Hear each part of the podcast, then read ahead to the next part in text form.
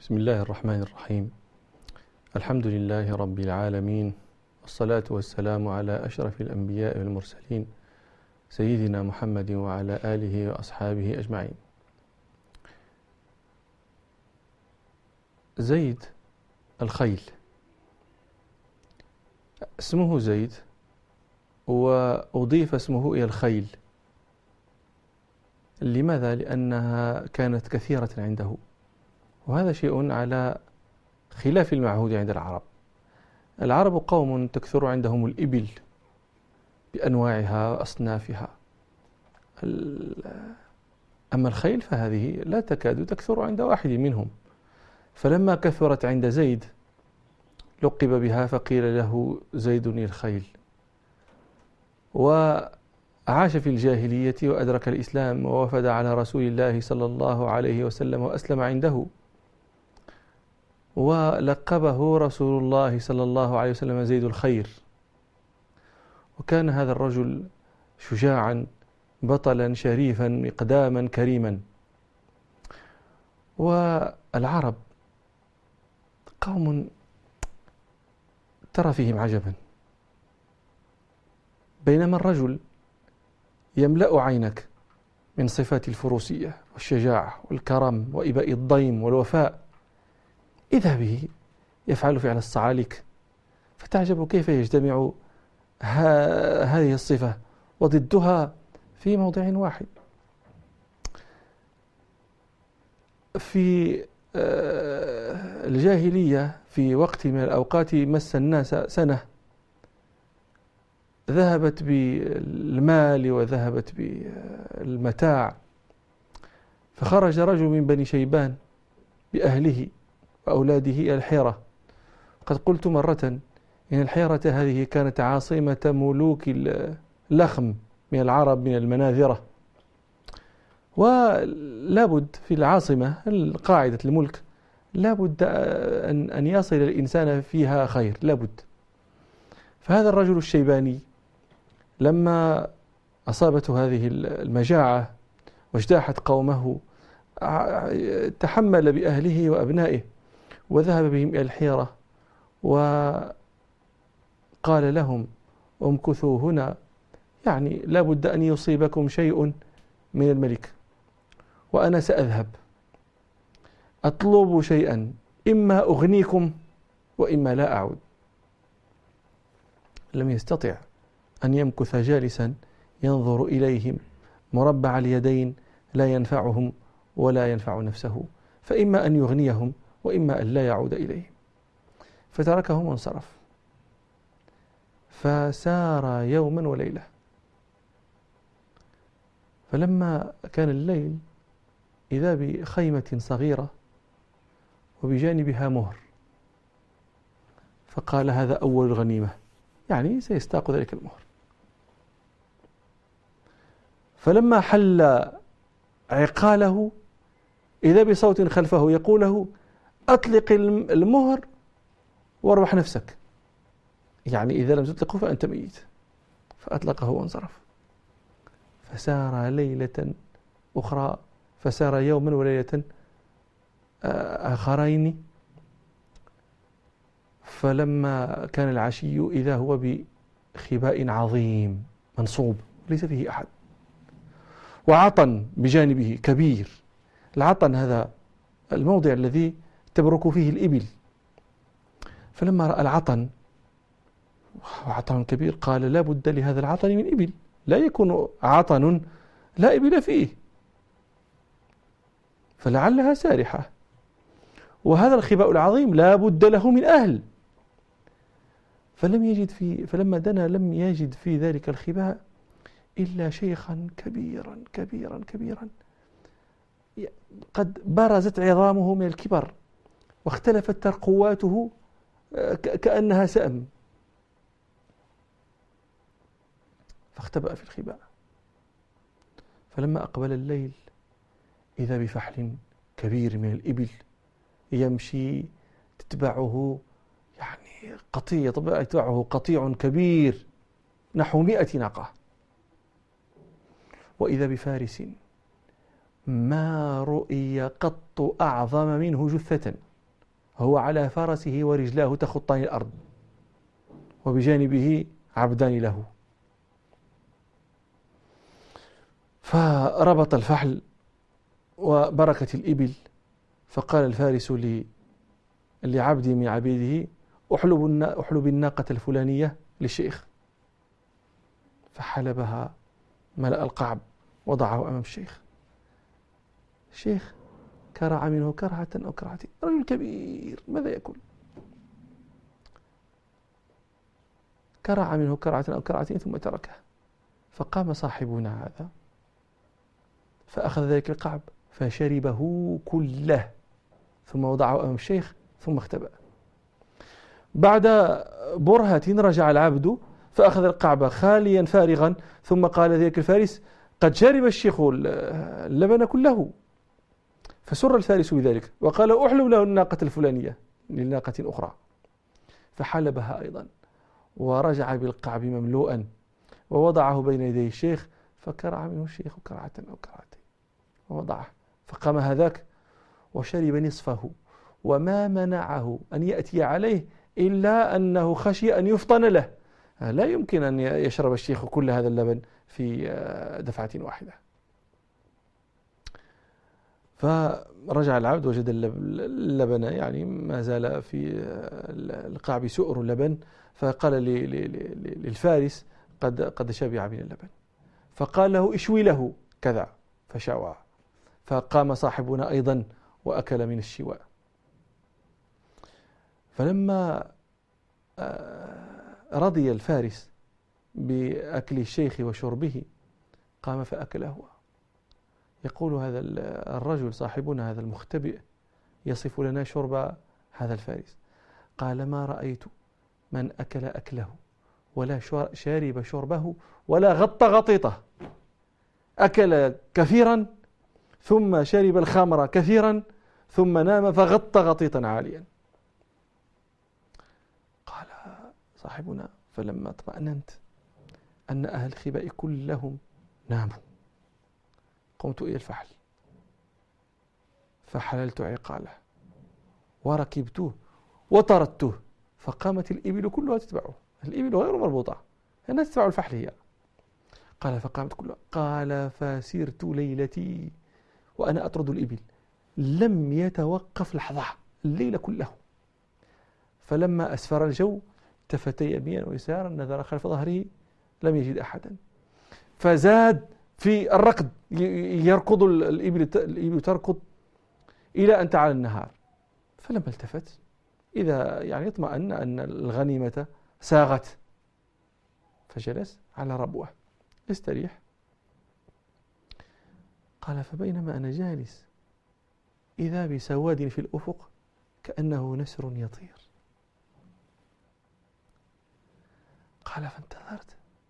فإذا فارس على فرس فلما دنا إذا هو بفارس أمس.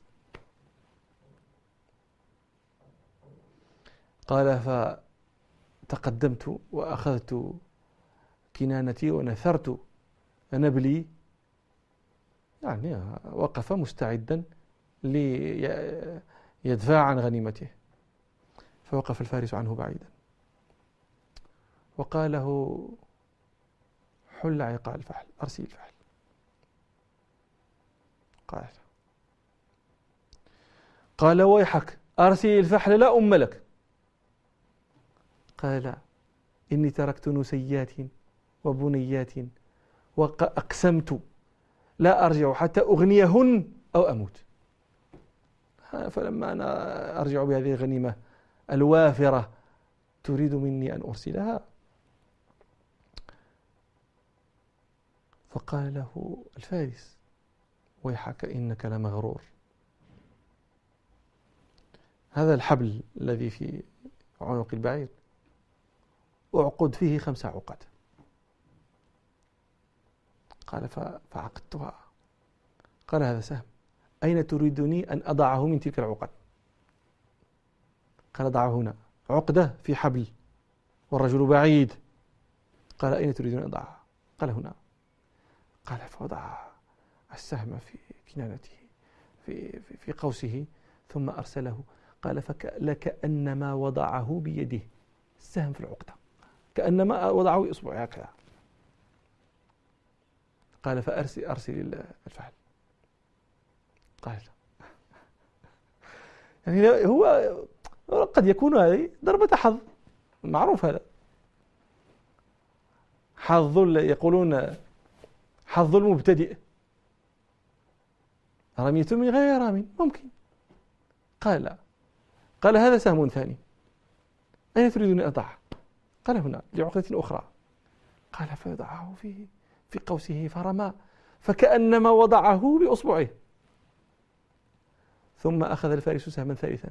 وقال هذا إن لم إن لم تطلق الفحل هذا في عكن بطنك.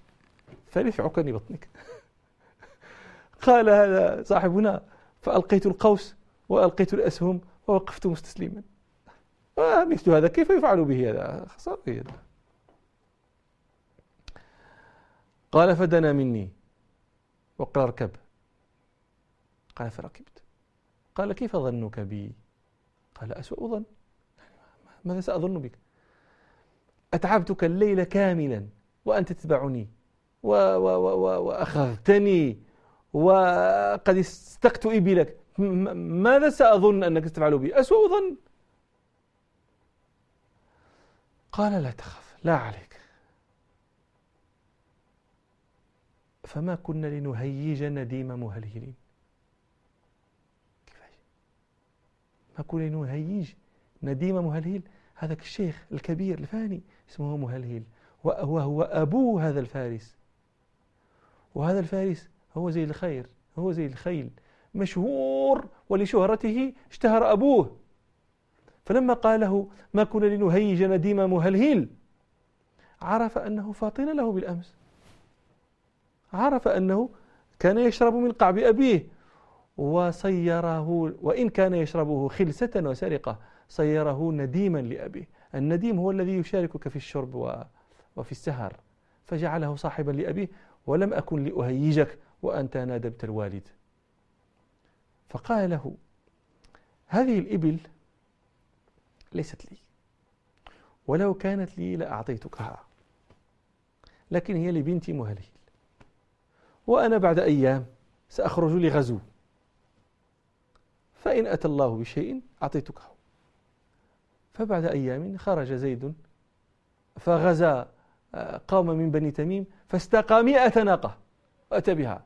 ثم خير ذلك الحيري. فقال له ماذا تريد؟ أي أيها ذاك الشيباني؟ قال أي أيها أحب إليك. هذه أو أو تلك. قال لا هذه أحب إليك. قال خذها فاستاقها وذهب.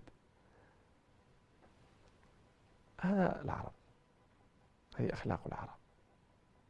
العرب كانوا في قوم في كانوا في جاهلية. نعم. جاهلية عقدية جاهلية عبادية. نعم. وكانت فيهم خصال سوء نعم. ولكن كانت فيهم خصال خير. وهذا يدل عليه قوله صلى الله عليه وسلم إنما بعثت لأتمم مكارم الأخلاق.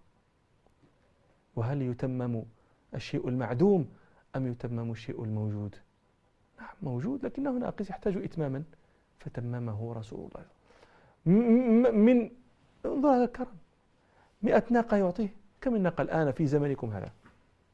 يعني الناقة المهلهلة المترهلة الضعيفة التي يرغب الناس عنها. يعني بعملتنا عشرة ألاف درهم. يعني تقريبا ألف دولار ألف مئة دولار. فأعطاه مئة ناقة. مئة ألف دولار. هذه ما ما من يعطيها من الناس اليوم؟ وقد كثر الخير في الأيدي. يعطيها رجل بدوي من سكان البادية تقع في يده مئة ناقة كما لو وقع في يده فلس من فلوس النحاس الذي لا يسوي شيئا. هؤلاء العرب وهذا الكرم كرم العرب الذي لا يضاهى. وآية الآيات في هذا الباب. آية الآيات في هذا الباب. رسول الله صلى الله عليه وسلم. في حديث ابن عباس الذي في البخاري قال رضي الله عنه كان رسول الله صلى الله عليه وسلم أجود الناس. هذه أجود الناس. وكان أجود ما يكون في رمضان حين يلقاه جبريل وكان يلقاه في كل ليلة فيدارسه القرآن. فلرسول الله صلى الله عليه وسلم أجود بالخير من الريح المرسلة. أنا ما يعني كيف هذا؟ ما ما, ما وجه المقارنة بين الجود والريح المرسلة؟ الجو الريح المرسلة هذه مرسلة بماذا؟ مرسلة بالمطر. هذه الريح التي ترسل بالمطر تجيء به. هل تميز بين أرض وأرض؟ تقول هذه الأرض تحتاج مطرا هذه لا تحتاجها فأنا أعطي هذه ولا أعطي هذه. أو تقول هذه أرض بور فأنا أعطيها. وهذه أرض سقي تسقى بالدواليب والآبار وال... فأنا لا أسقيها. الريح المرسلة لا تفرق بين أرض بور وغيرها بين محتاجة وغيرها. تعطي تسقيهم جميعا تسقي الأرض كلها. فكذلك رسول الله صلى الله عليه وسلم. لا يعني خيره يصيب المحتاج وغيره ويصيب الغني وغيره ويصيب أجود الناس أجود الناس. حتى قال جابر في حديث مسلم ما سئل رسول الله صلى الله عليه وسلم شيئا قط فقال لا. بل قد تعجبون وهذا شيء في الحقيقة حقيق بأن يعني يفهم حق فهمه ويقدر حق قدره. أنس رضي الله عنه يقول في الحديث الصحيح وفي البخاري وغيره جاء رجل إلى النبي صلى الله عليه وسلم فسأله سأله يريد غنما. كم سأله؟ غنمة غنمتين. غنيمات كم سأله؟ أربعين غنمة. سأله غنما بين جبلين. يعني تتصور أقدر العدد. هذا جبل وهذا جبل وهذا السفح بينهما فكم تحتاج؟ يحتاج هذا السفح الذي بين الجبلين ليمتلئ غنما. فجاء هو قال له أنا أريد ذلك الغنم هذا الشيء كل هذا الغنم بين الجبلين أريدها. ويعطيه الرسول صلى الله عليه وسلم إياها وهو رجل كافر. ليس بغرائب هذه. هذا نبيكم صلى الله عليه وسلم هذا هو هذه أخلاقه هذا كرمه. فرجع هذاك. ما صادف قبل قبل النبي صلى الله عليه وسلم إنسان قط يعطي هذا العطاء. فأسلم بسبب هذا العطاء. وجاء إلى قومه رجع إلى قومه فقال يا قوم أسلموا فإن محمدا يعطي عطاء لا يخشى الفقر. ورسول الله لا يخشى الفقر لأن ربه الغني. ربه الذي بيده مفاتيح السماوات والأرض خزائن السماوات والأرض. ويعطيك ما أعطاك. وليس ذلك ينقص من ملكه شيئا أبدا. هذا رب الرسول صلى الله عليه وسلم. فلذلك يعطي عطاء لا يخشى الفقر. ثم النبي صلى الله عليه وسلم يعطي هذا العطاء لأن كل هذا ما قيمته عنده. الدنيا كلها كلها. ليس ليس الغنم بين الجبل بل والجبلان أيضا. بل والأرض كلها. ما هي قيمتها وما قدرها عند رسول الله صلى الله عليه وسلم؟ وهو الذي يروي هو وهو الذي يخبرنا صلى الله عليه وسلم أن الدنيا لو كانت عند الله قدرها قدر جناح البعوض جناح بعوض يعني إيش البعوض هذا؟ بعوض تضربه بنعلك تضربه بعوضا بنعلك ما جناح البعوض في البعوض؟ جناح البعوض في البعوض ما هو؟ وهذه الأرض هذه الدنيا كلها لا أقول الأرض الدنيا. لو كانت عند الله يعني في قدر جناح البعوض ما أعطى الكافر منها شربة ماء. لا يعطيه. ما شربة ماء. انظر كم الساعة الكفار. والساعة الدنيا. الدنيا التي عندهم ليس مثلها عند المسلمين. يعني هي لا تسوي عند الله جناح بعوض أيضا.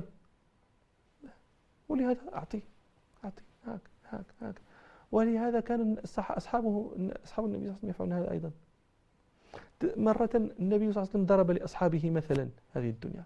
دخل معهم السوق. حيث رواه مسلم في الصحيح. دخل معهم السوق. وهم يكتنفونه صلى الله عليه وسلم. فمروا بجدي أسك ميت.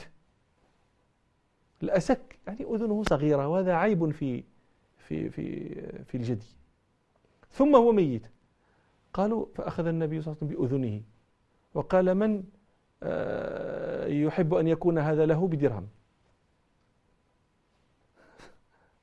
تصنع ماذا بجد ميت وتعطاه بدون درهم. ولا تأخذه. ماذا تفعل به؟ ستبذل الدراهم لكي لكي لكي, لكي تقذفه وترميه فقالوا لا نحب يا رسول الله. ليس منا من يحب أن هذا له بشيء. فقال صلى الله عليه وسلم من, من يود أن هذا له؟ فقالوا يا رسول الله لو كان حيا لكان عيبا لكان معيبا أسك أذنه صغيرة. هذا لو كان حيا فكيف وهو ميت؟ فلما أراهم النبي صلى الله عليه وسلم هوان هذا الجدي عليهم قال للدنيا أهوان على الله من هذا عليكم. فالتي شأنها هذا وقدرها هذا لماذا لا تعطى؟ غنم بين جبلين هاك ولكن هذا من يفهم هذه المعاني؟ ومن يدركها؟ إلا من ومن.